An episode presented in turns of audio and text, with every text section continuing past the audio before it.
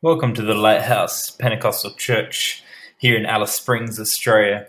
We're so glad you're able to join us for this uh, this morning's message. My name is Pastor Nate Gratian, and this morning we're going to turn to Ezekiel chapter 20. We're going to start reading from verse 10. The title of this morning's message is The Wilderness and the Wondrous. Let's see what God has for us in His Word this morning.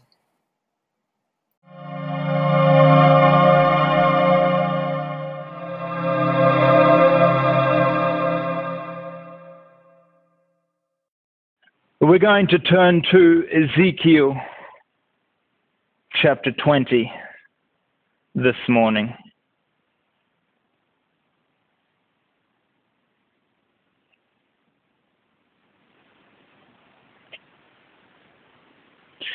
Ezekiel chapter 20. I'll give you a few seconds to get there because it may take a little bit verse 10.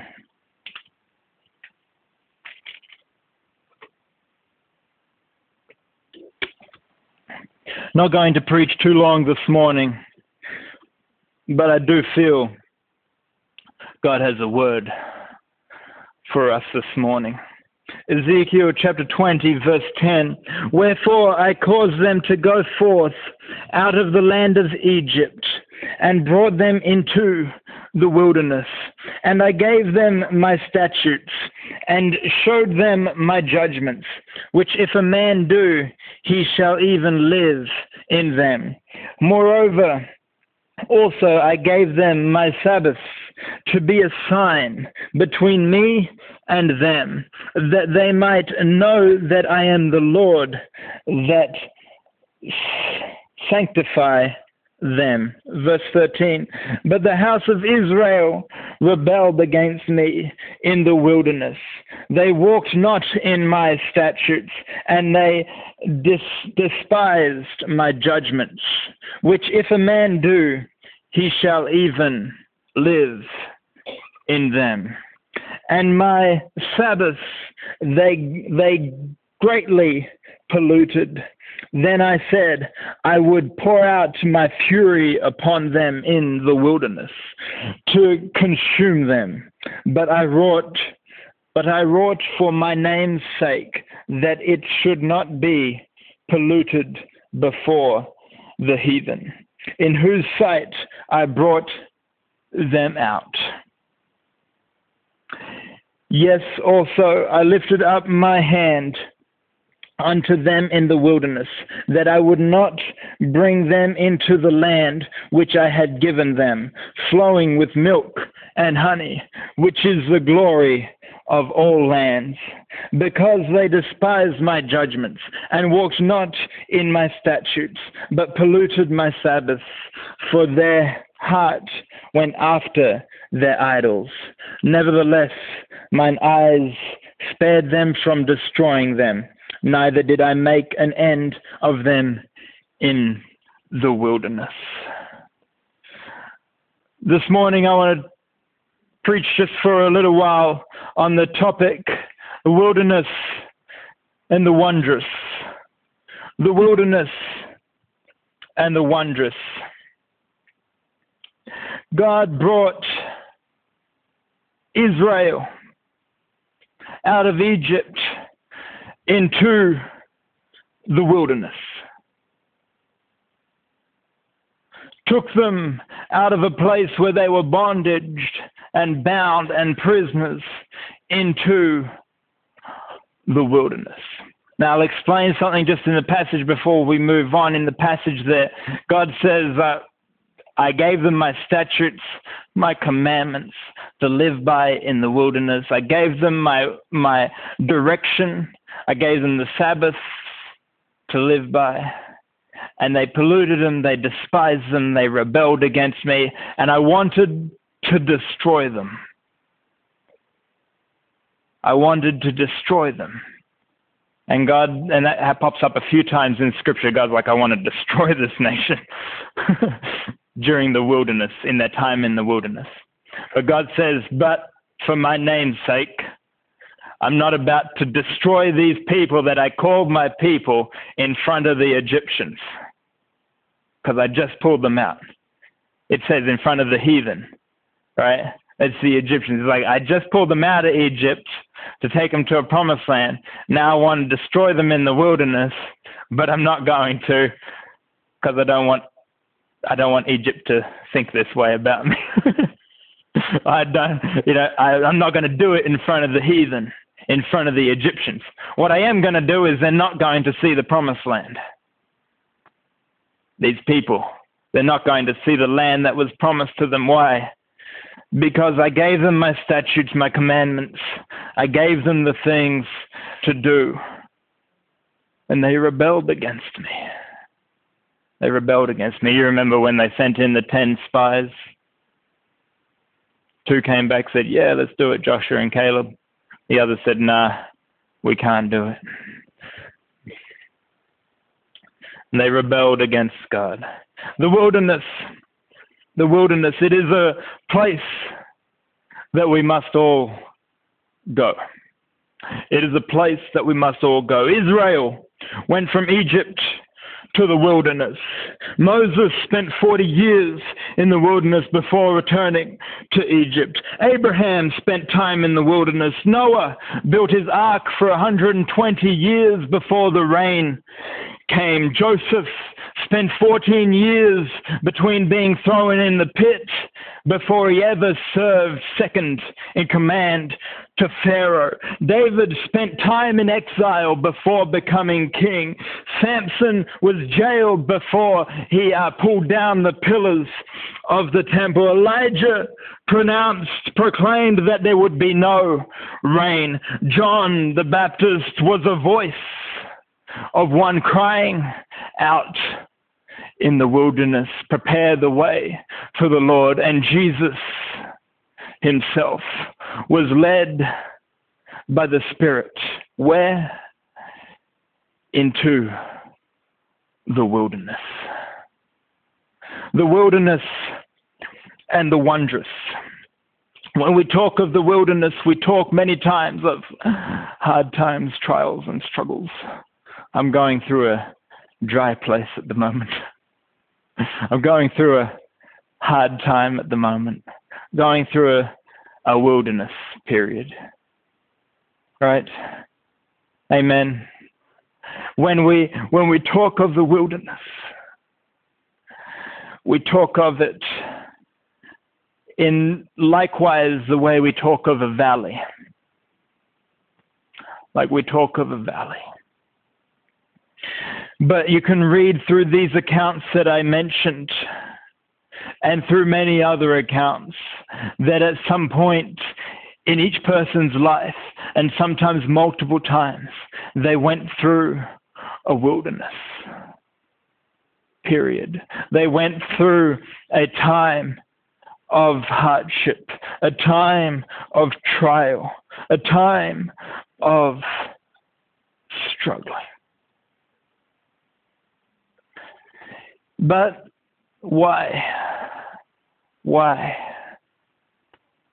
What is the wilderness there for? It's there for a reason. God could have brought Israel straight from Egypt right to the promised land. But no, they spent over 40 years wandering around the wilderness. God could have done many things. David, maybe he didn't have to spend that time in exile. It was a self exiling as Saul was after him. But God could have taken care of Saul. But there were things to be learned in the wilderness. There's things to be learned in the hard times, in the struggles. There's things to be taken out of it, there's things to be gleaned. Let's turn to Hebrews chapter 12. The first thing that we must always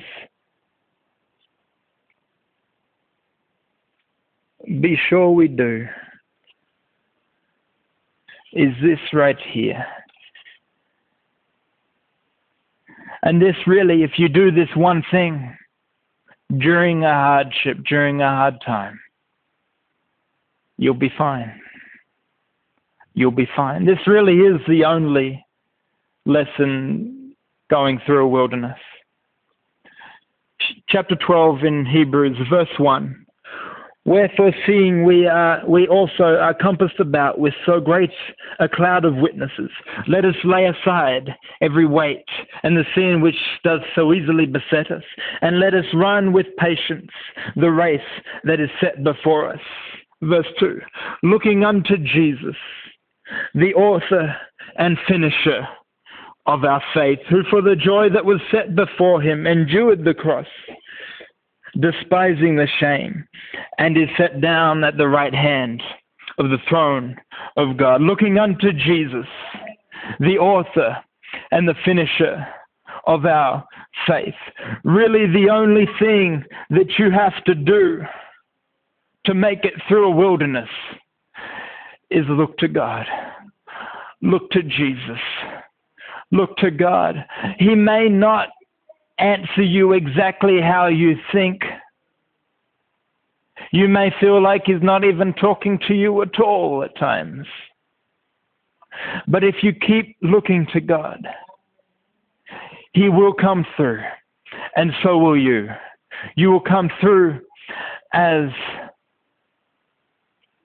all the references through the Bible came through. As the scripture says, as gold is purified by fire, so will we. So will we. You see, when a silversmith, when someone working with silver, works with silver, they put it in the fire to burn off all the impurities and to burn things off and, until they get the purest form of silver. And how they figure out they've got the purest form of silver, I'm sure you know. They look in the silver to see if they can see their reflection. If they can't see their reflection, where does it go? Back in the fire. And then back out. And then they see, no, not yet. Back in. And back out. The fire is kind of like a wilderness. You see, when when God God looks and when he sees his reflection in you, he's like, okay, the world's seeing me. Humanity's mankind is seeing me in them. But the wilderness, the wilderness, it's a, it's a place not designed to be lived in. Not designed to be lived in. You see, God didn't bring Egypt, bring Israel from Egypt to the wilderness. You know, uh, here you go. This is all I have for you. Enjoy building your sandcastles. No, God had a promised land flowing, as He says, with milk and honey where the buildings are already built for them by other nations. God's like, I've given you that land. You go take it. You go take it. You see, the wilderness isn't a place to be lived in. But as has been preached before, and, and I'm sure many of us have heard, but the wilderness was a chance for God to get Egypt out of Israel. You see, Israel had been taken out of Egypt. But if you live somewhere a few hundred years, especially as slaves, sometimes some things hang on. And so the wilderness is a purification process, a chance to get Egypt out of Israel. Unfortunately, when they got to the promised land, they said, We're, we're still grasshoppers. Because obviously they still viewed themselves as slaves and not as the children of God. Because if they viewed themselves as Joshua and Caleb did, as the children of God, they said, What can stop us? As David said, Who is this uncircumcised Philistine to stand and boast before the children of God? The army of the Almighty, not the army of Saul. He didn't say, Who is this uncircumcised Philistine to stand before us and boast when we have such great strong men and good looking men and strapping soldiers and our King Saul head and shoulders above? No. He, he said, Before the armies of the Almighty God. Who are they to stand? And so Israel hadn't quite got Egypt out of them. And so the wilderness place, it is not a place for us to live. God does not bring us to the wilderness. He brings us through the wilderness. He brings us through the wilderness. And as he gave the Israelites uh, his statutes, his commandments, his orders, to us, he has given us his spirit. He's given us the fellowship, our brothers and sisters. He's given us what we need to go through the wilderness. He's given us Jesus.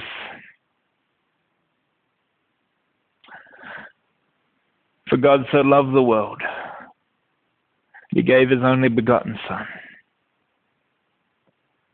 so that whosoever believeth should not perish, but have everlasting life. He's given us Jesus. He gave himself manifest in the flesh. Why? So, as Hebrews says, looking unto Jesus, the author and finisher of our faith. The author, you see, when when we watch a movie or something, and we watch something and we're like, wow, can't believe that happened. Or this, there's the star role, the hero, and they get put in impossible situations, right? You're like, well, we know he's not going to die. He's the hero. He's not going to die. Let's see how he gets out of this one. How do we know he's not going to die? Because someone has written what's going to happen before it came uh, to fruition. Someone's written and they're just going by the act. Going by the act. All the thugs and all those people that are trying to get all the baddies that are trying to get the good guy they're really not that bad a shot. Okay. And really, the bad guy that carries on a monologue before, you know, the good guy's all tied up and struggled, and the bad guy decides to go on a monologue and carry on talking about all the stuff he's going to do. That's in the script, so there's time for people to come and rescue the hero. That's in the script. Looking unto Jesus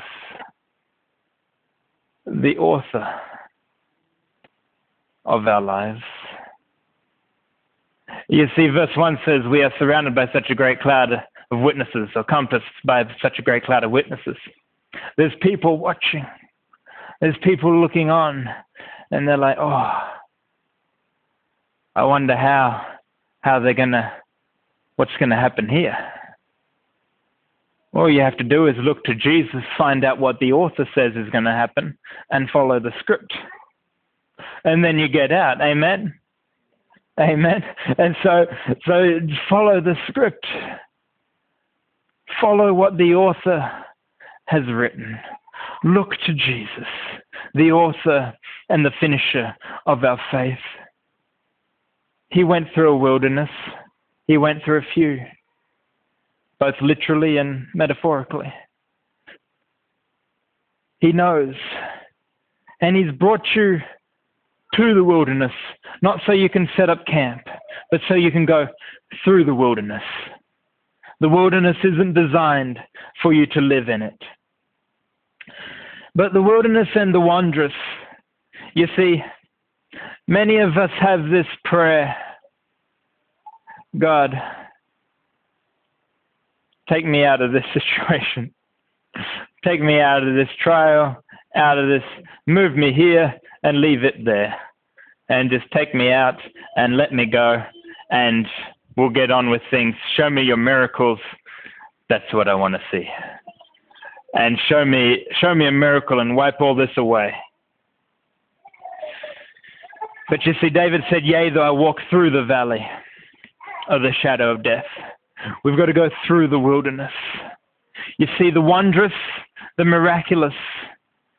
Sometimes we have a misunderstanding, a misconception that the wondrous and the miraculous is just after the wilderness. Just after. Once I get through this trial, through this hard time, and God does a miracle, then I'll stand in awe and be like, wow, look at God. Look at his wonders. What a wondrous move of God. But the wondrous, brothers and sisters, is both in and after the wilderness. It's both in and after the wilderness. You see, if Joseph goes straight from the pit to the palace, in just as we would read, oh, that must have happened in a month or two. That must have happened really short time. Because we read the chapter or the chapters in just a few hours. That must have just been a short time. If that happens, then you end up with a little brat serving as a second in command. Because let's be real. Joseph, he was late teens, early 20s.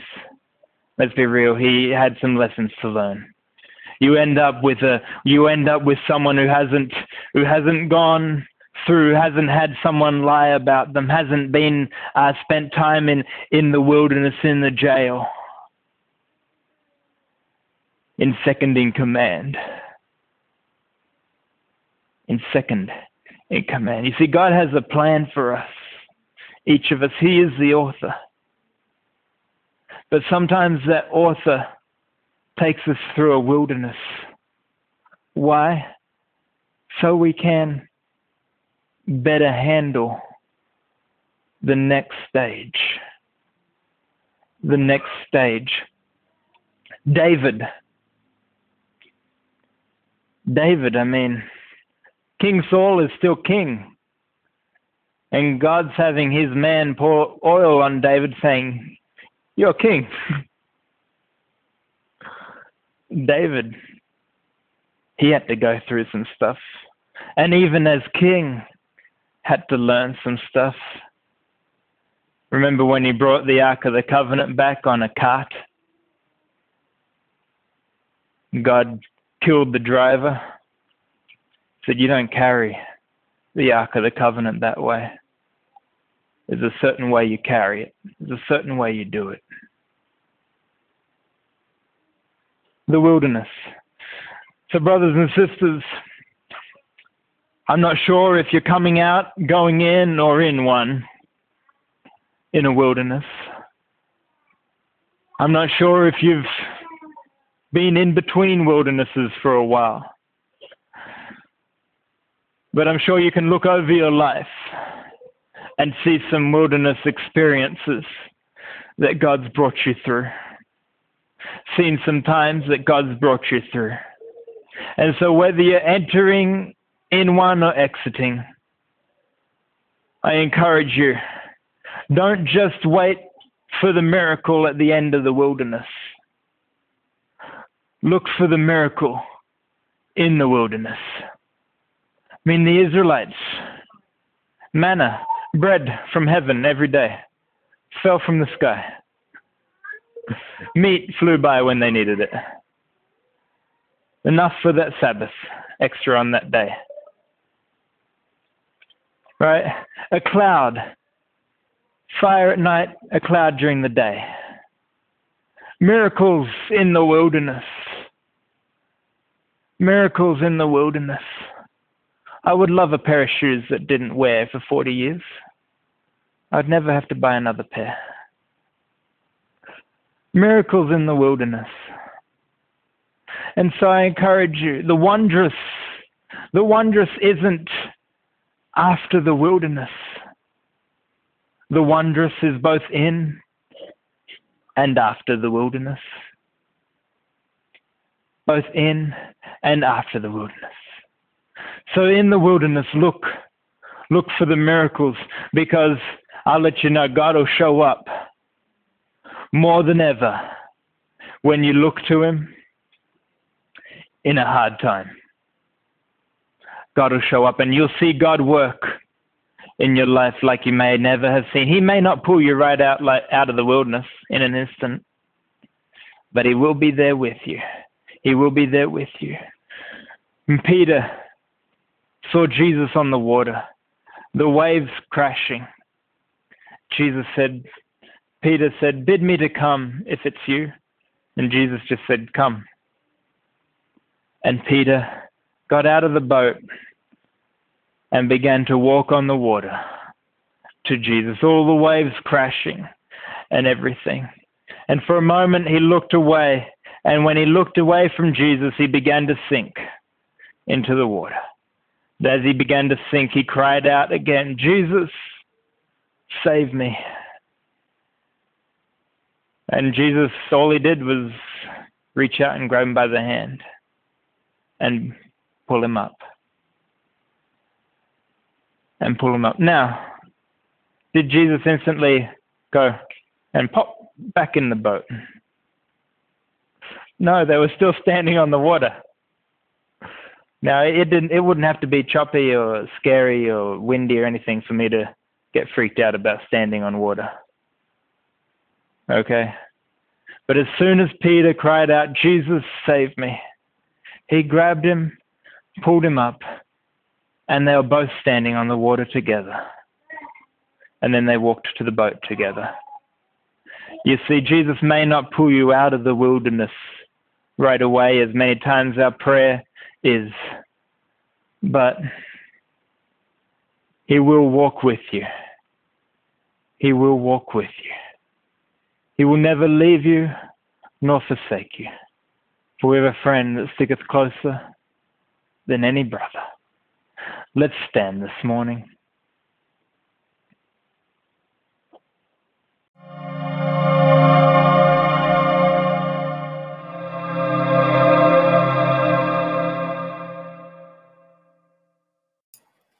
Thank you so much for joining us uh, for the message this morning. Uh, let us never forget that God does manifest himself both in the wilderness and uh, after the wilderness. And let us always remember to look to Jesus, who is the author and finisher of our faith and has everything in complete control. I pray you have a wonderful day and a wonderful week. God bless.